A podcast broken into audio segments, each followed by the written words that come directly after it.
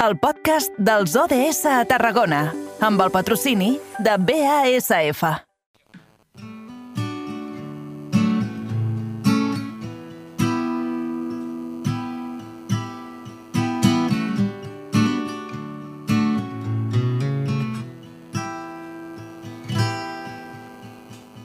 Llueve en el único infierno con hielo. I com els dèiem ara fa un moment, encetem aquesta darrera hora parlant sobre els objectius de desenvolupament sostenible. Avui ens centrem en l'ODS 12, que ens parla de producció i consum responsable. I com fem cada 15 dies, ho fem acompanyats de l'associació La Farigola. Avui, però, concretament volem parlar amb un dels productors d'aquesta entitat per conèixer com afecta la sequera, la inflació i altres factors a la producció durant aquest any que tot just acabem d'arrencar. Per això, avui saludem el Joan Andreu. Ell és pagès i productor de cítrics al Delta amb l'empresa d'agricultura ecològica Biocitrus i també és un dels productors d'aquesta associació, de la Farigola. Bona tarda, senyor Andreu. Benvingut. Bona tarda. Gràcies. Ara comentàvem, ens trobem en una època en què, doncs, diguéssim que la climatologia no juga molt a favor, una època de sequeres. Per començar, com està afectant això el cultiu? Bé, la sequera pues, fa que ara, al mes de gener, tenim sequera. Imagina si no plou a la, a la primavera, què farem al juliol i a l'agost? Els cultius de regadiu, pues, bueno, hem de gastar més en, en reg, en, en, en consum energètic, que ja sabem tots eh, els preus que hi ha, i, i, bueno, i això que no el pagès que no fica preu al seu producte pues no, pot, no, no pot repercutir, pues li afecta, li afecta eh, el, el seu resultat. Però, si em permet, si em permet, jo no és que parlar d'aquestes circumstàncies puntuals, que no, nosaltres no hi podem fer res a la sequera, només explicar-ho i ser conscients, i també el canvi climàtic, que està molt avançat moltíssim la, la maduració de la fruita, amb el qual tenim menys temps per a poder-la traure, es fa malbé abans. Vull dir, nosaltres els pagesos tenim molt clar això. Eh, jo els voldria parlar sobretot de la importància de l'agricultura i, i sobretot l'agricultura ecològica. Jo vaig començar l'agricultura fa 25 anys sense formació ni estudis, meus pares no eren pagesos, vull dir, vaig començar de zero. I fa 15 anys vaig començar l'agricultura ecològica, que és el meu camí, he trobat el meu camí, i per això treballo en alguna que m'agrada. I una altra cosa, soc oient de ràdio durant tota la meva jornada. Fa 25 anys com a pagès que escolto la ràdio i abans 6 anys com a conductor d'autocars. I tinc la sort de treballar el que m'agrada i escoltar la ràdio, que és la meva formació principal. Estic Així informat, entretingut, i, i és molt important la labor que vostès fan en general i en particular en aquest espai de divulgar la importància. No, ha, ha fet falta la, la pandèmia per a que la gent se'n doni compte que els que produïm aliments són essencials. Perquè primer que res, cada dia mengem. Els metges són molt importants, però si no t'alimentes, un metge no pot fer res. Vull dir, som el més essencial que hi ha i moltes vegades, com ja mos ve, mos ve donat, no, no ho valorem prou i l'agricultura sí. ecològica en particular i I per això, senyor Andreu, senyor Andreu, senyor Sí. Andreu, dic vostè, eh, ara que parla de la, ja ha introduït doncs, aquest terme de l'agricultura ecològica, vostè va ser, ara ens ho explicava, el 2008, quan va fer la Sí. conversió cap a aquest tipus d'agricultura, i des del sé- no sé 2015... trobar. Dic, des, des de 2015 que vostè doncs, cultiva, envasa i ven mandarines i taronges ecològiques. Expliqui'ns una mica per què 2008 va decidir fer aquest pas i com ha variat la seva manera de treballar. Faig des dos- des del do- 2008, fa 15 anys. Ho vaig fer, doncs, com moltes coses de la vida, perquè va vindre, jo al principi només pensava en ser agricultor, va vindre una crisi que no tenien preu, les empreses del territori mos pagaven el que podien, el que volien, i damunt s'arruïnaven, eh, dues empreses més importants del territori, i els pagesos, si, si produïssis però no vens, estàs venut. Si tu no vens, estàs venut tu perquè produïssis, però si no tens preu, no, no vens, no, pots, no, no, no, no, no és viable. Llavors nosaltres, començant de zero, fem tot el procés, producció, envasa, la collita, l'envasat, la venda, la distribució, ho fem tot.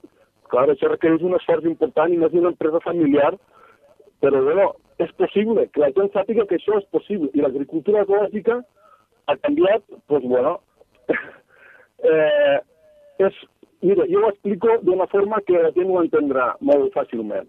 Els nostres avantpassats pagesos, que la majoria dels nostres avantpassats ho eren, quan, quan feien l'agricultura no tenien herbicides, no tenien insecticides tòxics, no tenien adobs de processos de fabricació industrial, sense saber-ho, feien agricultura ecològica. M'ho anava en carro i mato i feia agricultura ecològica. I jo ho faig ara, però vaig en motoritzat, tenim internet, no és més que això. El que passa que han passat una època de, de procés d'agricultura industrial eh, eh, a base d'herbicides, productes tòxics que faig que, que, que això sigui la novetat.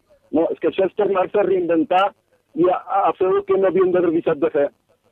Uh -huh. I això Vos... és beneficiós per a tot, per a la societat, per al medi ambient, per al productor, per al consumidor. A més, si permet, per als seus oients, poden veure eh, una web que tinc per a, per a, per a la venda, que a més de, de comprar, si ho volen, tenen molta informació, enllaços a revistes, articles científics, perquè és molt important la divulgació. Llavors, la seva labor de donar-nos veu és molt important. Si em permet que digui la, la web, és taranjasecològiquesandreu.com en català o en espanyol naranjasecològiquesandreu.com. Uh -huh. eh, comprar i trobar molta informació. I l'agricultura ecològica, bueno, per exemple, relacionada amb el canvi climàtic, quan venen aiguats, els camps de cultiu ecològic, que hi ha terra, no, no hi ha herbicida, hi ha més eh, herba, hi ha més brossa, reté millor l'aigua, amb la qual resisteix millor la sequera, no hi ha tantes corrents d'aigua, amb la qual quan venen els aiguats no fa tant de mal al territori en quant a erosió, ni barrancades, ni, ni, ni desastres naturals. I, i després és un producte molt més sa, no utilitzem eh, productes tòxics, i, i, i, i després de proximitat, que tot, és molt important donar-nos a conèixer. Mm. Gràcies per la seva sí. labor. Senyor Andreu, eh, ara ens explicava doncs, la seva feina en favor de l'agricultura ecològica. Ens deia que, clar, que calen més recursos, calen més esforços i suposo que ara doncs, que s'està encarint tot de manera generalitzada, suposo que encara deu notar molt més aquest esforç. Mire, si vostès miren esta web que ja us he dit, veran que estos preus que jo tinc, que els he mantingut, a pesar que ha augmentat el cartó i la fusta un 40%, i el transport i tot, perquè, per què? Perquè jo prioritzo poder vendre. Nosaltres tenim molta producció i, i, i ens falta millorar la venda, perquè primer som pagesos i després fem de tot, però originalment som pagesos. Llavors, la meva prioritat és ficar aquest producte el més eh, en un preu que jo em pugui guanyar la vida però que també sigui assequible per al consumidor i que ho pugui comprar. I jo no he d'estar esperant que ho vinguin a comprar empreses externes grans quantitats que venen o no venen. I m'ha passat que ens han quedat 200.000 quilos de fruita a l'arbre sense collir un any, esperant. D'esta manera jo, jo vinc a consumidors finals, distribuïixo a botigues, eh, a pagesos que fan cistelles ecològiques i que fan fruita i verdura i, i no tenen cítrics, exporto a, sobretot a França, a Portugal, atenem, atenem tot el sector que vulgui comprar ecològic. Només fem ecològic, convencional no volem fer res. Molt bé, doncs en prenem nota i doncs, si la gent doncs, vol tenir més informació doncs, de la seva feina, de la seva producció, doncs ja hi ha aquesta web que vostè doncs, ens acaba de, de recordar. Deixi'm-li preguntar també, sí. perquè aquest 2023, senyor Andreu, ha entrat en vigor també la nova PAC, la nova Política Agrària Comuna pel període 2023-2027, que es considera, sí. diuen, com la reforma agrària més important que s'ha portat a terme en matèria ambiental. No sé vostè com la valora. Mira, no li puc contestar perquè no estic tinc tanta feina eh, i lluito tant per, per, des del meu punt de vista del dia a dia de fer tot el que li explico, que això, pues, la veritat que no, no estic al dia, perquè no depèn de mi, ho entén? M'intento centrar a el que depèn de mi. Això jo no, no depèn de mi. Nosaltres cobrem uns ajuts per l'agricultura ecològica i espero que això, bueno, sé que la Unió Europea està conscienciada en això, potenciar-ho més perquè és el futur, Espanya és un gran productor i, i el que passa que la major part va a, a, a l'exportació. I si em permet, un altre punt eh, que no me s'oblida, que la societat, a part de la importància de, de la producció d'aliments, que sigui conscient que sense els treballadors africans això no seria possible. No menjarien. Si no hi hagués molts treballadors africans que treballen en natros i que són una gent, per l'experiència que tinc jo, que, que, que a pesar de les seves circumstàncies que es duen la vida quan venen aquí per primera vegada, jo he ajudat a nou, a nou persones a obtenir els seus papers, per suposo sense cobrar res, i ajudant-los, i ells després agraïts i, i, i treballen amb mi, bueno, no tots, perquè després ells també fan el seu camí de la seva vida, no estan obligats, però vull dir que la societat ha de ser conscient que sense els treballadors africans no menjarien, no menjarien, perquè la immensa majoria dels treballadors que hi ha són africans. I gràcies a ells. Podem fer la nostra feina i portar-los aliments als mercats. I a més són una gent que en, en un esperit que, que es dona gust treballar al costat d'ells, contents, rient, se passaran els seus moments en intimitat, però l'actitud que tenen i la labor que fan, que la, la, la societat ha de ser conscient. Sense ells no menjaríem. D'acord, doncs, senyor- no podrien, no podrien fer la nostra feina. Doncs molt bé, doncs queda dit. Gràcies, senyor Joan Andreu, productor de l'associació La Farigola, especialitzat en producció ecològica.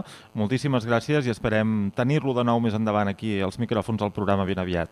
Moltes gràcies. Gràcies, gràcies a vostès.